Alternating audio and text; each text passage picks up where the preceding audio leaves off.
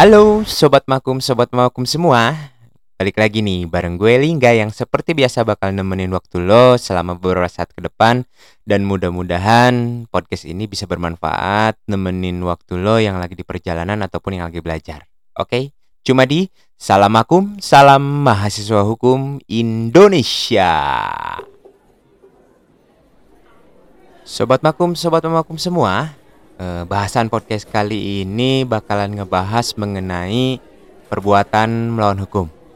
Kira-kira sobat makum, sobat makum semua masih inget nggak atau perlu diingetin? Wah, ngeri banget perlu diingetin. Ya, tapi mudah-mudahan bahasan podcast ini bisa bermanfaat ya buat sobat makum dan sobat mamakum semua. Sobat makum, sobat makum semua, podcast kali ini akan mengacu pada salah satu buku karangan eh, salah satu begawan hukum Indonesia yaitu Bapak Munir Fuadi ya. Bukunya berjudul Perbuatan Melawan Hukum Pendekatan Kontemporer. Dan sobat makum sobat makum semua perlu digarisbawahi bahwa perbuatan melawan hukum yang akan dibahas pada podcast kali ini limitatif ya. Kita akan bahas perbuatan melawan hukum dalam konteks hukum perdata. Nah, sobat makum sobat makum semua tentunya juga ketika kita bicara perbuatan melawan hukum itu merupakan istilah yang dalam bahasa Belandanya disebut dengan onrechtmatigedad atau dalam bahasa Inggris sering pula disebut dengan istilah tort. T O R T atau dalam bahasa Indonesia-nya T O R T tort. Kata tort itu sendiri sebenarnya hanya berarti salah atau wrong akan tetapi khususnya dalam bidang hukum, kata tort itu berkembang sedemikian rupa sehingga berarti kesalahan perdata yang bukan berasal dari wan prestasi kontrak. Jadi serupa dengan pengertian perbuatan melawan hukum onreh mati gedat dalam sistem hukum Belanda atau di negara-negara Eropa kontinental lainnya. Kata tort berasal dari kata Latin torquere atau tortus dalam bahasa Prancis seperti kata wrong berasal dari kata Prancis wrong yang berarti kesalahan atau kerugian. Sehingga pada prinsipnya tujuan dari dibentuknya suatu sistem hukum yang kemudian dikenal dengan perbuatan melawan hukum tersebut adalah untuk dapat tercapai seperti apa yang disebut oleh peribahasa Latin, yaitu Juris praecepta sun haec, honeste vivere alterum non ledere, sum suique tribuere yang artinya semboyan hukum adalah hidup secara jujur, tidak merugikan orang lain dan memberikan orang lain haknya. Dalam ilmu hukum dikenal tiga kategori dari perbuatan melawan hukum, yaitu perbuatan melawan hukum karena kesengajaan, perbuatan melawan hukum tanpa kesalahan, dan perbuatan hukum karena kelalaian. Jika ditilik dari model pengaturan KUH Perdata Indonesia tentang perbuatan melawan hukum lainnya, sebagaimana juga dengan KUH Perdata di negara-negara lain dalam sistem hukum Eropa kontinental, maka model tanggung jawab hukum adalah tanggung jawab dengan unsur kesalahan, yaitu kesengajaan dan kelalaian, sebagaimana terdapat dalam pasal 1365 KUH Perdata, lalu tanggung jawab dengan unsur kesalahan, khususnya unsur kelalaian sebagaimana terdapat dalam pasal 1366 KUH Perdata dan tanggung jawab mutlak atau tanpa kesalahan dalam arti yang sangat terbatas ditemukan dalam pasal 1367 KUH Perdata.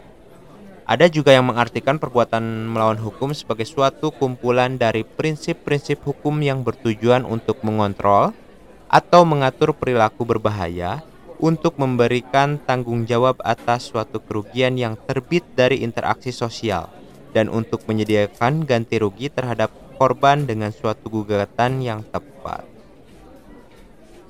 Nah, sobat makum, sobat makum semua, beberapa definisi lain yang pernah diberikan terhadap perbuatan melawan hukum adalah seenggaknya buat jadi bahan referensi juga ya.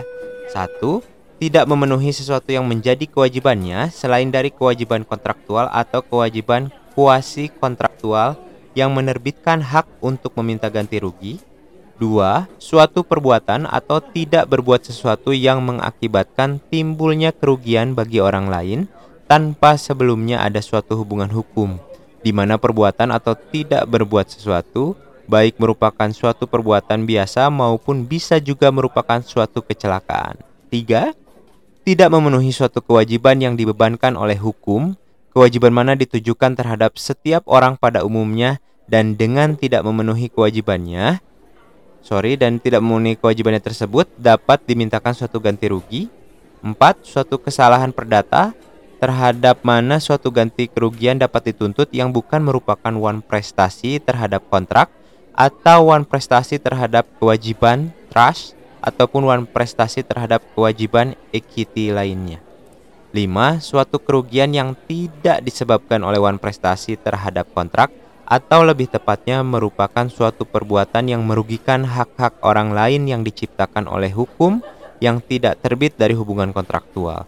6 sesuatu perbuatan atau tidak berbuat sesuatu yang secara bertentangan dengan hukum melanggar hak orang lain yang diciptakan oleh hukum dan karenanya suatu ganti rugi dapat dituntut oleh pihak yang dirugikan.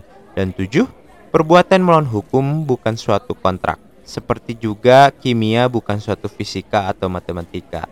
Nah, sobat makum dan sobat makum semua berarti perlu kita bedakan bahwa perbuatan melawan hukum itu sangat berbeda dengan one prestasi dan perbuatan melawan hukum juga one prestasi merupakan suatu uh, kaidah yang harus kita kuasai sobat makum dan sobat makum semua karena uh, sepengetahuan gua dalam hal nanti kalau ada sobat makum dan sobat makum semua yang berpraktek sebagai advokat harus dapat membe harus dapat membedakan dan harus pula menguasai mengenai PMH atau perbuatan melawan hukum dan juga wan prestasi karena ini senjata bagi kita semua.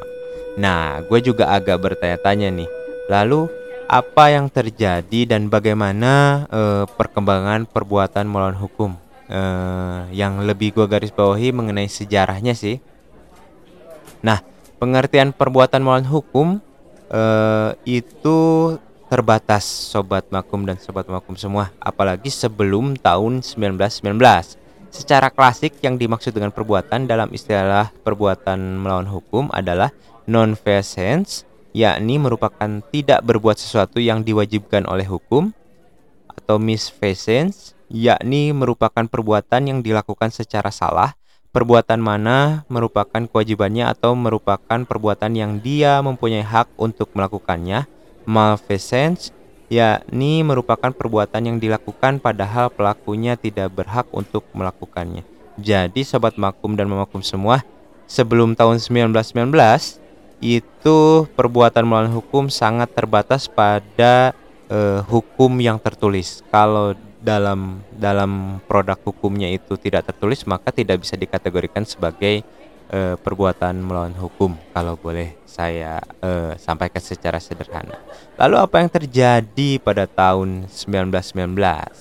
Di tahun 1919 khususnya pada putusan Hogerad negeri Belanda tanggal 31 Januari 1919 dalam kasus Lindenbaum versus Cohen dan kasus ini menjadi uh, fundamental menjadi trigger uh, akan uh, tafsiran mengenai pengertian perbuatan melawan hukum yang meluas tidak hanya sekedar dalam perbuatan melawan hukum yang khusus hanya ditulis pada produk hukum yang tertulis saja.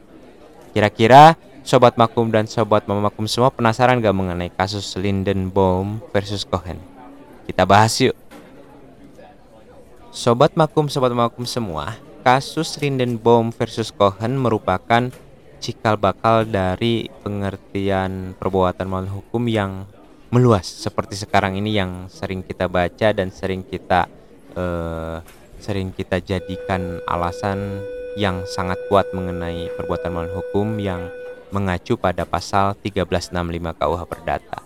Nah, perlu kita uh, perlu saya sampaikan bahwa uh, mengenai perkara Lindenbaum versus Cohen itu pada masa waktu itu eh, sobat makum dan mamakum semua adalah suatu tonggak penting yang memperluas pengertian perbuatan melawan hukum atau onreh mati ngedai.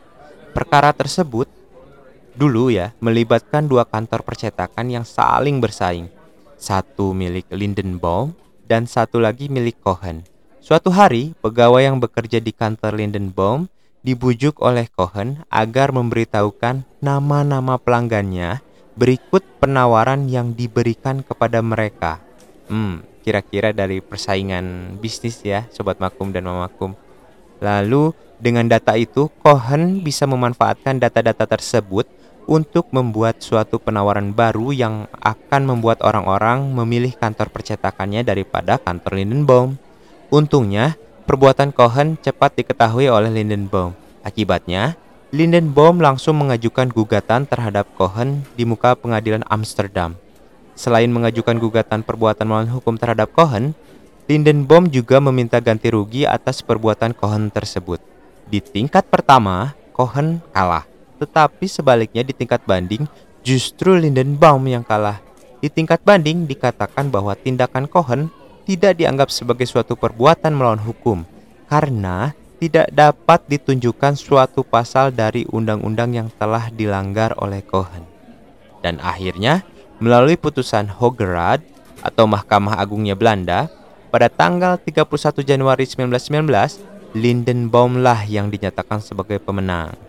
Hogerat menyatakan bahwa pengertian perbuatan melawan hukum dalam KUH Perdatanya Belanda termasuk pula suatu perbuatan yang melanggar hak-hak orang lain, bertentangan dengan kewajiban hukum si pelaku, atau bertentangan dengan kesusilaan.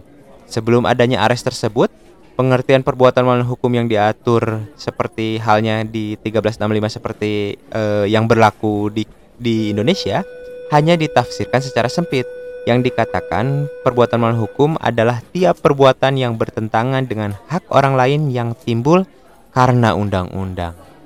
Nah, sobat makum dan sobat memakum semua, kira-kira setelah kita mengetahui latar belakang mengenai eh, perbuatan melawan hukum sebelum 1919 dan setelah 1919 eh, setelah kasusnya Lindenbaum versus Cohen Sobat Makum dan Mamakum semua perlu diingetin yang mana lagi.